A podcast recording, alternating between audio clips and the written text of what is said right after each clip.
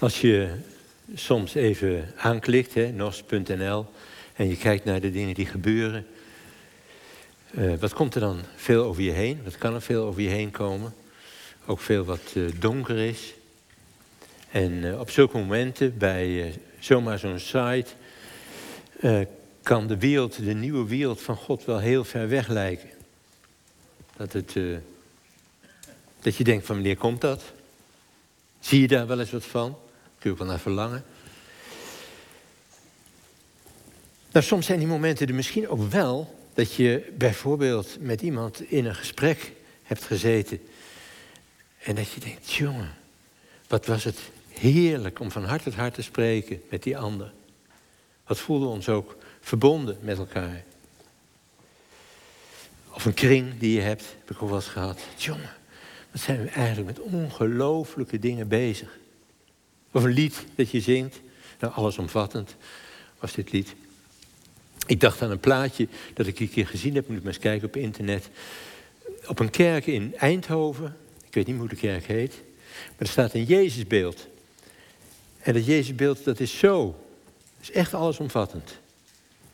Bragia salvatoris mei. Dat zong ik toen, dat stuk. Dat is uh, tussen de armen van mijn redder. En in de volksmond was het Jezus waaghals. Dat ook. Hij stond helemaal op het uiterste puntje van de toren. Maar zo, allesomvattend. Ja, als je dat ervaart, dat soort momenten, dan kan, dan kan het zijn dat je eens even denkt van ja, dit is iets van de nieuwe wereld van God. Het kan ook zijn, net in de vorige dienst was er iemand die eh, gebed vroeg voor, en dank ook voor een reis naar Zuid-Afrika, daar in de townships gewerkt, aan de krotten zitten werken om daar nog wat van te maken. Mensen ontmoet, ook mensen ontmoet met zo'n groot geloof. Dat je soms verwonderd kunt zijn dat mensen die honderd keer minder hebben dan wij, dan zo vol geloof zitten. Prachtig. Ook iets van een vonk van het koninkrijk van God, denk je dan toch. Als je in de Bijbel zit te lezen, dat gaan we nu doen. 1 uh, eh, Samuel 30. Dan kun je het soms ook hebben. Als je van kaf tot kaf leest, ben net weer begonnen daarmee. Dan kun je soms in passages terechtkomen dat je denkt, mens, mens, mens. Wat is dit toch ook een eindeloze brei van ellende dan? Daar zie je dus eigenlijk niks van licht. En het zou ook best eens kunnen bij dit hoofdstuk. Als je dit hoofdstuk leest, denk je, jongen, jongen, jongen, wat een ellende allemaal. En dat je dan toch al lezend iets van die vonkjes gaat zien gaat merken. Dat is wel een mooie ervaring bij het lezen in de Bijbel. Want de Bijbel is net als het leven wat we leven. Met prachtige, heerlijke dingen, maar ook met het donkere. Waar soms de wereld van God heel dichtbij lijkt, maar soms ook heel ver weg is. Nou, we gaan zo dit lezen. Maar we doen het, het is te lang om te lezen, dit stuk. Maar we doen het toch. We maken er een soort meditatieve lezing van. En we zingen een TC-lied. Daartussendoor, mijn hart verstilt in rust en vrede met u. En nog een andere tekst ook, uit de nieuwste bundel is dat. Wel dezelfde melodie. Ik maak het u moeilijk en ik maak het u gemakkelijk. We kunnen meer stemmen gaan zingen. Vierstemmig. Prachtig toch? Maar dat krijgt u ook als het goed is in beeld.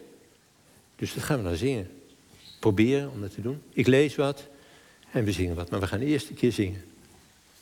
Eén stem één keer om eraan te wennen. En dan vervolgens kunt u dus een van die andere laagjes gaan zingen als u dat kunt. Als u niet kunt, zingt u gewoon dit regeltje steeds mee. Dat is ook goed.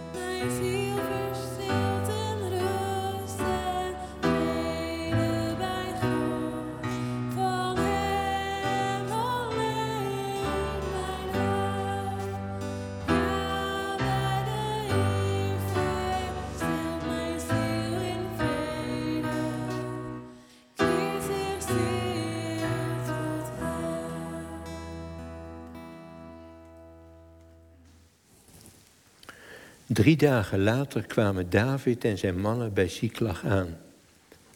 Tijdens hun afwezigheid hadden de Amalekieten een plundertocht ondernomen in de Negev. Ook Siklag hadden ze overvallen. Ze hadden de stad in de as gelegd en de vrouwen van jong tot oud als gevangenen weggevoerd. Er was niemand gedood, maar ze hadden de vrouwen op hun tocht meegevoerd. Toen David en zijn mannen bij Ziklag aankwamen en zagen dat de stad in de as was gelegd en dat hun vrouwen en kinderen waren weggevoerd, begonnen ze luidkeels te jammeren, tot ze geen kracht meer hadden om te huilen. Ook de beide vrouwen van David waren verdwenen. Achinoam uit Jezreel en Abigail, de vroegere vrouw van Nabal uit Karmel.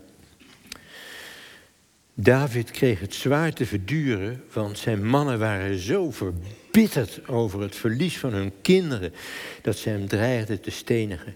Daarom zocht hij steun bij de Heer zijn God.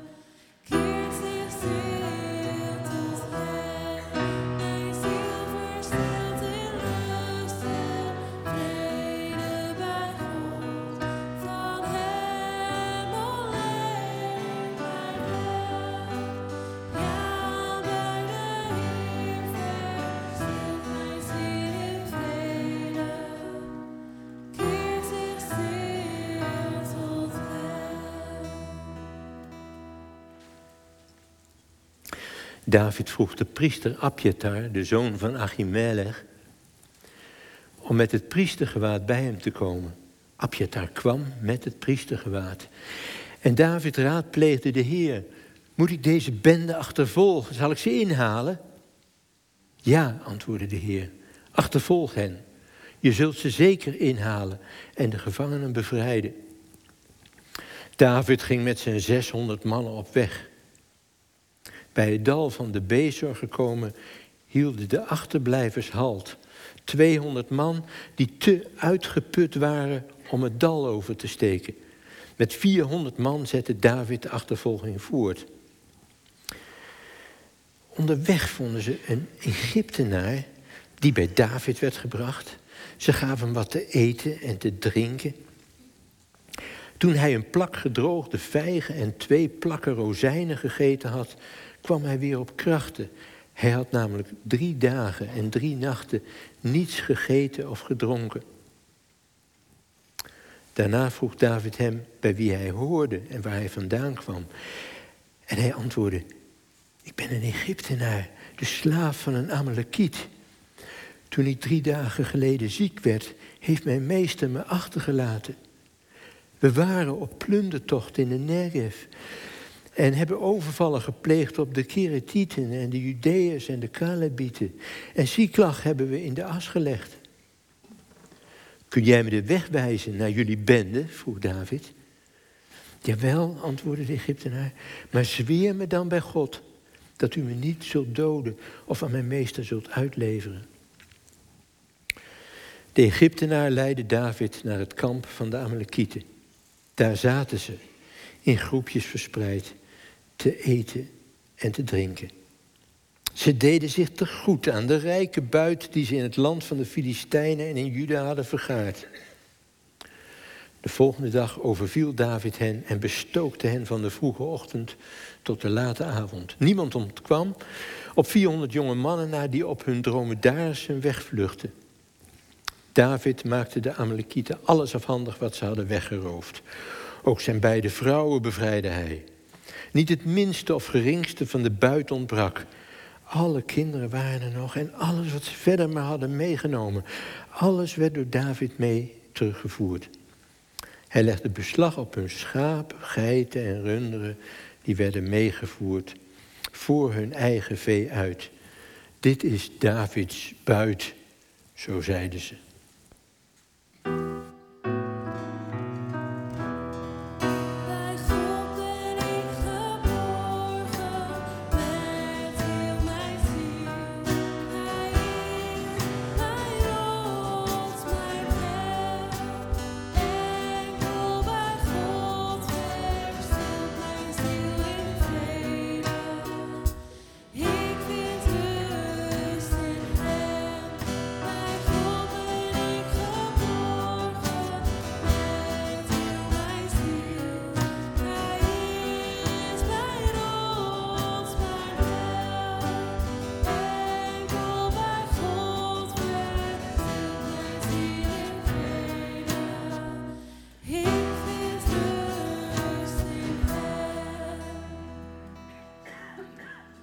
Toen David weer terugkwam in het dal van de Bezor, werden hij en zijn mannen opgewacht door de 200 man die daar waren achtergebleven omdat ze te moe waren om met hem mee te gaan.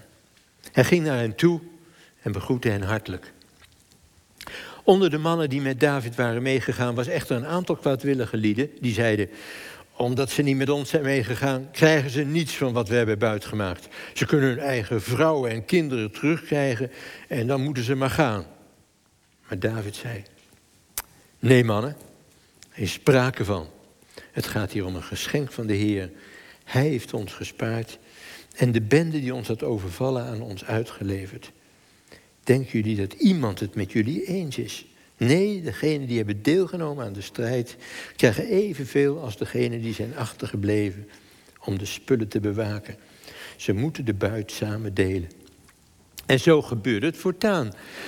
Deze regel die door David is ingesteld geldt in Israël tot op de dag van vandaag. Terug in Ziklag stuurde David een deel van de buit aan de oudsten van Juda, zijn vrienden. Hier is voor u een geschenk uit de buit die wij op de vijanden van de Heer veroverd hebben, luidde de boodschap. Het betrof de oudsten van Betuel, Ramot Negev en Jatir, Aroer, Sifmot, Estemoa en Rachel van de steden van de Herachmeelieten en de Kenieten, van Gorma, Bor, Hasan, Atach en Hebron. Kortom, van alle plaatsen die David en zijn mannen tijdens hun omzwervingen hadden aangedaan.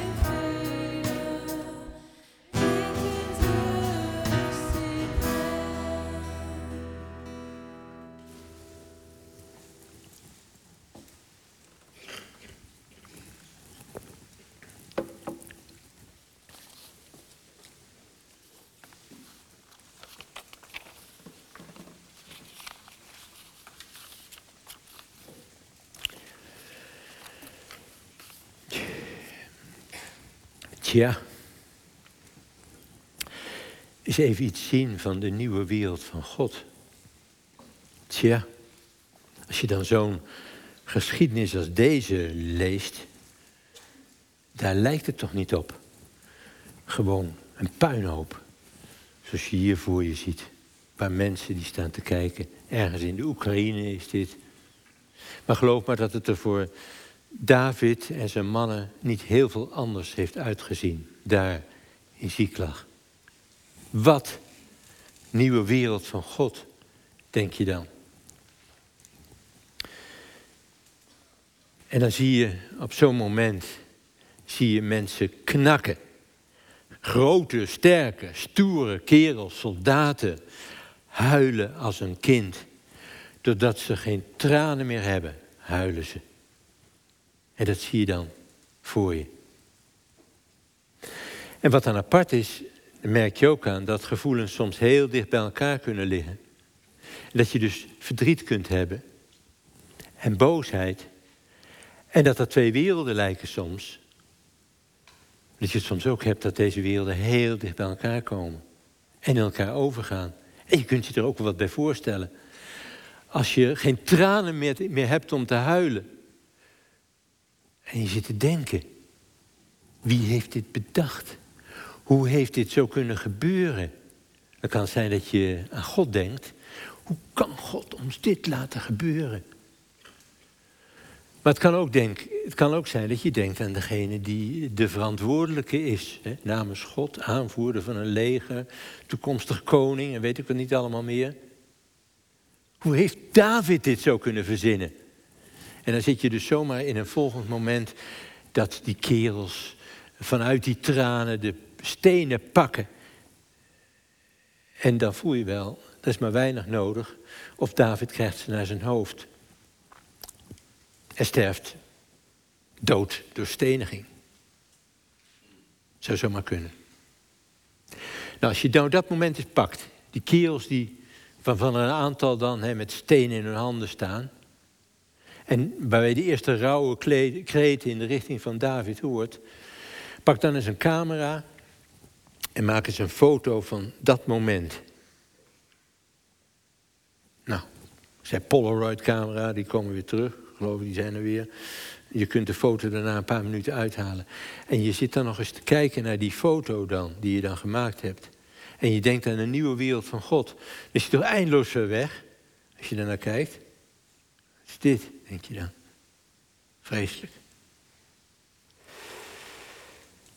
Maar het wonderlijke, als je zit te lezen in dit, deze geschiedenis, in een volgend moment gebeurt er wat. Als ik het heb over, als over vonken van een nieuwe wereld, hè, of ritselingen van de geest of iets dergelijks. Je zit te lezen en denk hé, er gebeurt wat. Dat zit eigenlijk in die levensbedreigende situatie. Iets heel onverwachts. Je leest van David. Daarom zocht hij steun bij de Heer zijn God. En misschien nog wel, nog wel iets actiever. Weet je, dat hoort in de herziene staat. David echter sterkte zich in de Heer zijn God dat David natuurlijk ook zijn vuist had kunnen ballen richting God. En bij zichzelf dacht, waarom heeft me God me in deze omstandigheid laten komen? Dit gebeurt, David sterkt zich in God. Ongelooflijk onverwachte move toch, moet je zeggen. En als je nog even denkt aan die foto die ik net maakte, is dat dan toch niet iets van een vonkje van de nieuwe wereld van God? Als je dit leest, wat onverwacht. David, die zich tegenover al die mannen die met stenen in hun handen staan, sterkt in de Heer zijn God. Als je wereld in puin ligt en je van allerlei gedachten door je hoofd voelt schieten. Nou, dit is nou zo. En wonderlijk, moet je zeggen, wonderlijk. De sfeer verandert ook meteen. Over die stenen lees je verder helemaal niks meer. Helemaal niks. En intussen hoor je wel hoe David de priester vraagt om bij zich te komen. En uh, kom met je kleed, zegt hij, speciaal kleed, waar stenen ook in zitten. Urim en Tumim, hoe is het precies gegaan allemaal, staat er niet bij. Maar wel hoor je dat David vanuit een godswoord helderheid krijgt over dat hij de vijand achterna kan gaan en dat hij ze ook zal inhalen. Dat is wel bijzonder. Je zult de gevangenen zeker weer vinden en bevrijden. Hoe David precies de zekerheid kreeg, staat er niet bij. Maar dat. En hij weet het over te brengen op zijn mannen. Want ze komen in de benen. Met stenen lees je niks meer. Ze komen in de benen. En ze gaan, moe of niet moe, ze gaan met David mee. En dat ze moe waren, dat hoor je ook wel hè, als ze bij die beek aankomen. En 200, die redden het echt niet meer. Blijven daarachter. Als je dit ziet, dan is dit toch gewoon een vonkje van de nieuwe wereld van God. Dat mannen weer in de benen komen en er weer voor gaan die eigenlijk alle, maar ook alle moed kwijt waren. Wonderlijk dat dit kan gebeuren. Nou ja, en daar gaat het verder. Onderweg vonkt het ook. Nou, dat lees je er ook niet meteen af, want het is natuurlijk menselijke tragiek van hier tot Gunder. Een man die daar is achtergelaten omdat hij ziek was. En daar drie dagen, drie nachten heeft gelegen. Nou, de, de gedachten aan Syrië en Turkije komen alweer boven. Drie dagen, drie nachten zonder eten en drinken. Daar. Een mens, net als jij. Een mens met een lichaam zoals jij. De Hebreeën schrijver zegt het ergens in het slot van zijn brief, zegt hij, geef ook aandacht aan gevangenen. Dat zijn mensen die een lichaam hebben net zoals jij. Dat ben je niet zo gewend om het zo te zeggen. Tenminste, bijbels gezien wordt het niet altijd zo gezegd. Maar het is wel een hele mooie wending om in te lijsten wel een beetje. Kijk zo eens naar de mensen die een lichaam hebben net als jij. En als je het woord lichaam gebruikt, dan voel je de pijntjes in je handen of in je benen. En je voelt de honger en de dorst en je voelt de andere verlangens die je hebt naar een thuis. Als je naar asielzoekers kijkt.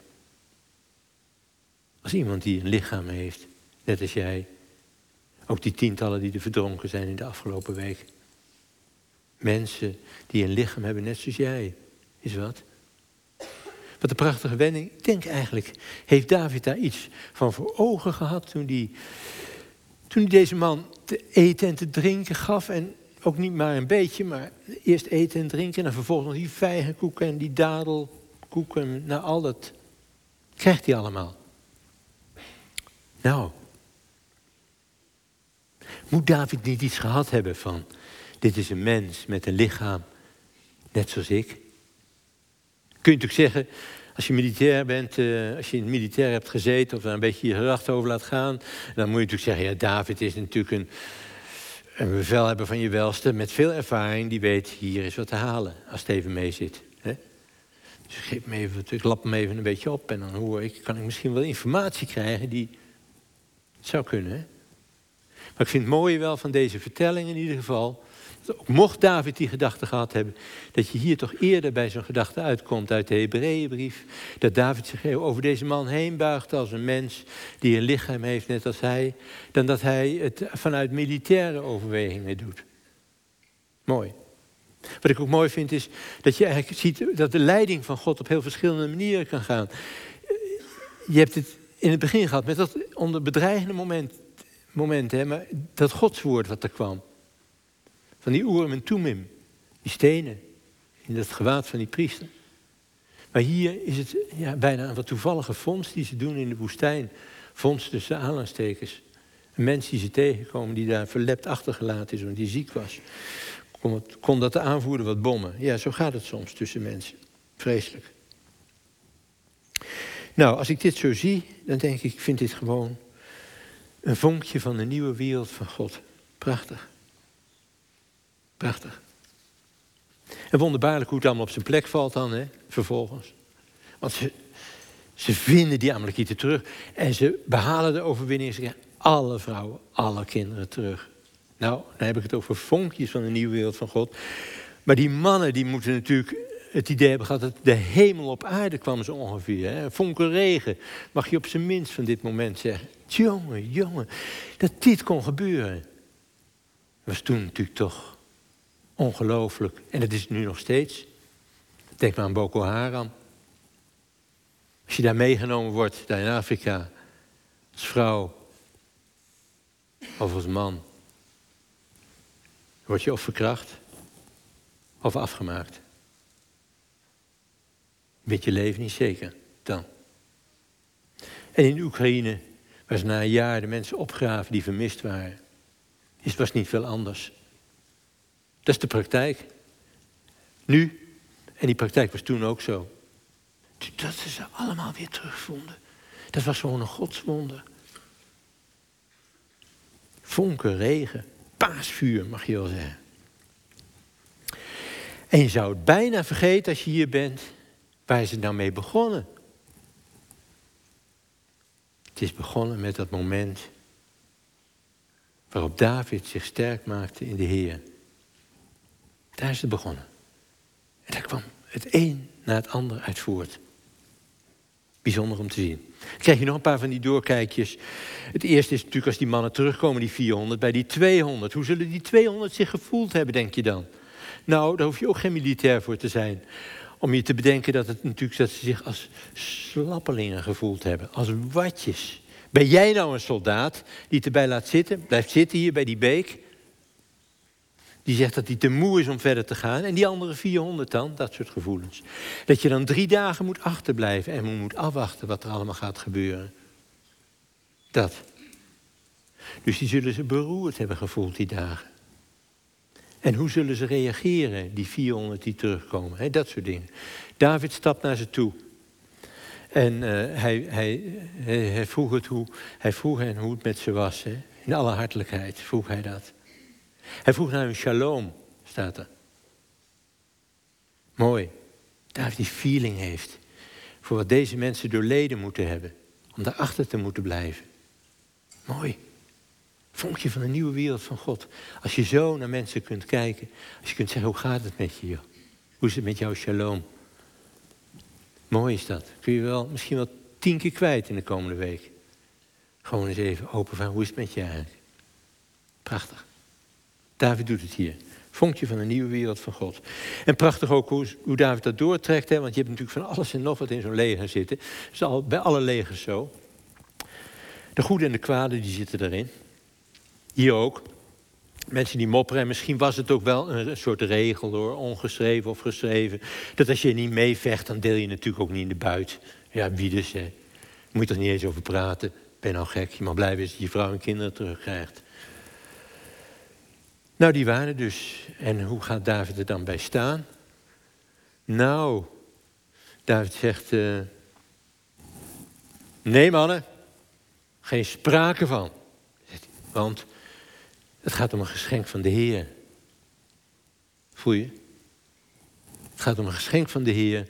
Hij gaf ons de bende in handen en iedereen. En hij geeft ze ook nog een mooie taak ook, hè? opgepast op de spullen. Ja, ja. We delen allemaal in deze buit. We delen allemaal in dit geschenk van de Heer. Het aardige is, dat eerste zinnetje is natuurlijk zo militair als maar in zijn kan. Als ik dit tenminste hoor, denk ik aan het militair. Nee mannen, zo doen we dat niet. Hè? Zo, op die manier. Als je een slide verder kijkt, dan zie je dat in de herzieners, die zit wat dichter op de Hebreeuwse tekst. Ik zeg niet dat het beter of minder is, maar het heeft wel best iets aardigs om daar naar te kijken. Zo moeten jullie dat niet doen, mijn broeders. Ja, Achie, vergeet steeds die naam die priester. Achinoam. Nee, die ook. Er zit het ook in trouwens. Maar die Achimelech. Achimelech. Mijn, mijn, broer is koning, betekent die naam. Dus de Achim gaat het hier om, hè? de broeders. Nee, broeders, zegt hij. Dat is ook een mooi gebaar wat hij dan maakt. Nee, man is wel mooi, dat klinkt echt naar het leger. Maar zo doen we dat niet, broeders. Dan haalt hij die, die 200 er even bij. Hij spreekt die 400 aan, hij haalt die 200 er even bij. Maakt er één groep van van 600. Hij zegt, nee broeders, zo doen we niet. En dan zegt hij, het is een geschenk van de Heer. Hij maakt ze tot broeders, omdat ze kinderen zijn van die ene vader. Mooi toch? Prachtig. Ook gewoon een vonkje van de nieuwe wereld van God. Als je zo op mensen weet te reageren. Zo weet samen te brengen. één weet te maken, zoals we zongen net in het lied. Eén weet te maken wat zo verdeeld is op zo'n moment. Hè? Je het in de kiem smoort. En hoe smoort? Prachtig smoort. Met het evangelie smoort. Prachtig. Nou, mooie momenten dus. Zo doen we dat niet, broeders. Nee, zo veegt hij ze in één beweging bij elkaar. En dan delen ze ook alle 600 in de buit. En als je het leest en je denkt even een beetje om je heen... je denkt even aan de zoon van David, Jezus... Dan hoor je zo die gelijkenis in je oren van die mannen die in die wijngaard aan het werk gingen. Om zes uur begonnen er sommigen en de anderen pas om vijf uur. En dan wordt het loon gedeeld. En dan, dan zie je het, dan krijgt dus de een die krijgt uh, net zoveel als de ander. Dat is het koninkrijk. En in de woestijntijd al, toen ze het manna verzamelden, verzamelde de een veel meer dan de ander. Als het wogen, was het evenveel. Prachtig toch? Dat is de sfeer van het koninkrijk die hier ook proeft. Vonkje van God. Vind ook een vonkje als je even in latere tijd denkt, David werd koning. En dit incident, want dat is het natuurlijk, hè? het is één moment. Je kunt het rustig een incident noemen in positieve zin, maar een incident, eenmalige gebeurtenis.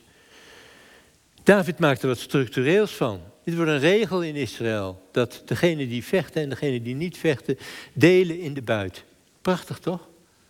Dat David dit ervan maakt. Dat hij van iets incidenteels iets structureels maakt.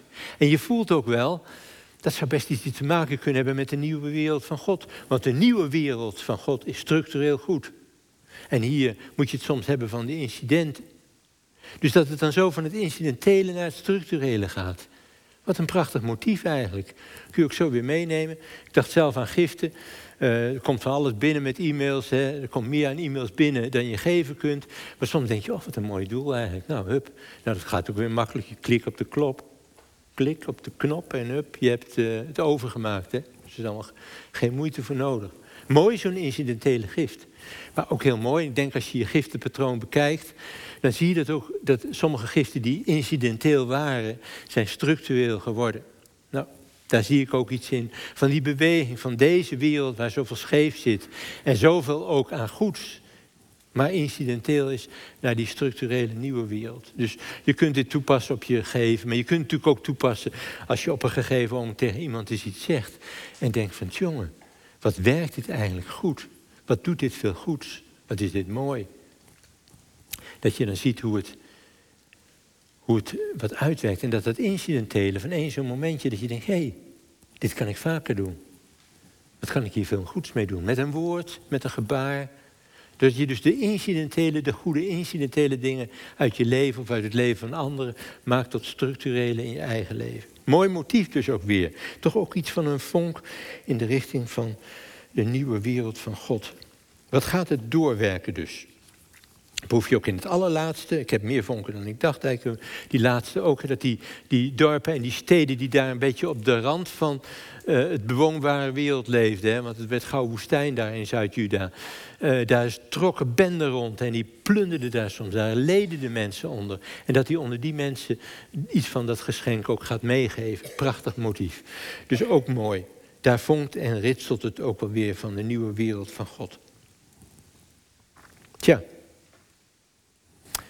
En het is dus allemaal begonnen bij dat ene moment. Dat David zich sterk maakte in de Heer. Wees krachtig in de Heer, zegt Paulus ergens. Hè? Daar heb je dat ook, die tekst. Daar is het mee begonnen. Daar kwam het een na het ander uit voort. Het is natuurlijk best mooi om in je eigen leven ook iets van dat soort patronen te zien. Dat je denkt, ik heb toen die keus gemaakt. Ik ben daarvoor gaan staan. En wat is er ongelooflijk veel moois uit voortgekomen. Kan natuurlijk ook bij de rottigheid gebeuren hoor. Dat kan ook. Maar deze diensten zijn natuurlijk niet bedoeld om je dat binnen te brengen, maar juist om je te binnen te brengen hoe dat met de mooie dingen ook kan gaan. Dat het een uit het ander voortkomt. En dat je in je leven als het ware een soort ketting van lichtvonken ziet liggen. Waarbij het begonnen is met een stap die je op een gegeven moment zette. dus een, een, een wereld, uh, dat het een wereld van verschil is als je een stap zet soms. Een wereld van verschil gaat maken. Vat was het ook nog gezegd hebben dat dat uh, zoiets was het wel. Ik ben, het, ben in principe, hij stond op een bord hier. Van een wereld van verschil of zoiets. Nou, dat kan dus zo'n stapje ook zijn, zo'n moment. Je kunt soms in de generaties ook wel hebben dat er ergens in je voor, bij je voorouders een of andere zuiplap was. En die leidde een leven, daar werd hij niet beter van, dat kun je zo raden. Maar die iemand ontmoette en christen werd. En zijn leven aan God toewijde en allerlei dingen veranderde in zijn leven. Maar ook dat dat voor zijn kinderen zo geweldig was. Dat die dingen meekregen van God. En dat dat door de generaties heen een plek kreeg. Je ziet ineens een hele lange lijn. Maar je ziet het dus ook in kleinere compartimenten in je eigen bestaan. Tenminste, dat denk ik. Dat kan. In je eigen leven kan dat zijn. Het kan in de gemeente ook zijn. Dat je van die prachtige mooie kettingreacties hebt. Dat het een het ander uitlokt. En dat het dus iets heeft van die vonkenregen die je hier dus in 1 Samuel 30 ziet. En in de wereld kan het ook hoor, dit soort dingen. Klein gebaar, denk ik aan uh, dat gebedsmoment van uit de vorige dienst, de eerste dienst. Iemand die daar werkt in de townships. Wie weet wat dit gebaar daar gaat uitwerken in die township. En wat, wie weet ook wat het uitwerkt in de mensen die daar geholpen hebben. Dus zo kan het van alles gaan uitwerken. David maakte zich sterk in de Heer. En dat maakt dus een ongelooflijk verschil. Nou, ik wil zo'n lied laten zingen, dat is echt een beleidend lied. Maar ik doe een gebed nu. En dan zingen we dat beleidende lied staande. Dus eerst een bede en een dank. Heer, we lezen zo een stuk uit het goede evangelie in de nadagen van Saul. Als David moet beginnen, maar wat een, wat een, wat een gedoe treft hem ook. Wat een dreiging, wat een ellende. En wat gebeurde bijzondere dingen waarvan we er zo wat lieten oplichten vanuit dit hoofdstuk. Heer, we danken u dat u zo bezig wilt zijn in de levens van mensen. Wees zo ook bezig in onze levens, zoals we hier zijn. En in de levens van mensen om ons heen, in het gemeentelijke ook. Geef iets van dit soort, dat het ene het andere oproept. En dat we zo gezegend worden. En we bidden ook voor, voor uw kerk wereldwijd. Geef dat dit soort dingen gebeuren tussen kerken, op de ene plek en de andere. Zoals misschien wel dat werk wat er eerder, waar, ik iets over zei, van het werken in township in Zuid-Afrika. Al dat werk, wat daar gebeurde, geef dat het doorwerkt. En zo bidden we ook voor de wereld en in het bijzonder ook wel voor die plekken waar, het, waar we niet graag zouden willen wonen. Zoals uh, Turkije, Syrië, om eens wat te noemen. maar ook Oekraïne en allerlei plekken in Afrika waar het leven nooit onbedreigd is om allerlei redenen. We bidden om ontferm u over onze wereld. Zegen alle hulp die er wordt geboden op allerlei vlakken. En ga zo ook met ons, te midden van de mensen van wie we leven. Bewust ook van het feit dat we leven met anderen. Anderen die een lichaam hebben net zoals wij. Help ons om dan ten diepste navolging van Jezus te zijn. Heer, dat bidden we in zijn naam. Amen.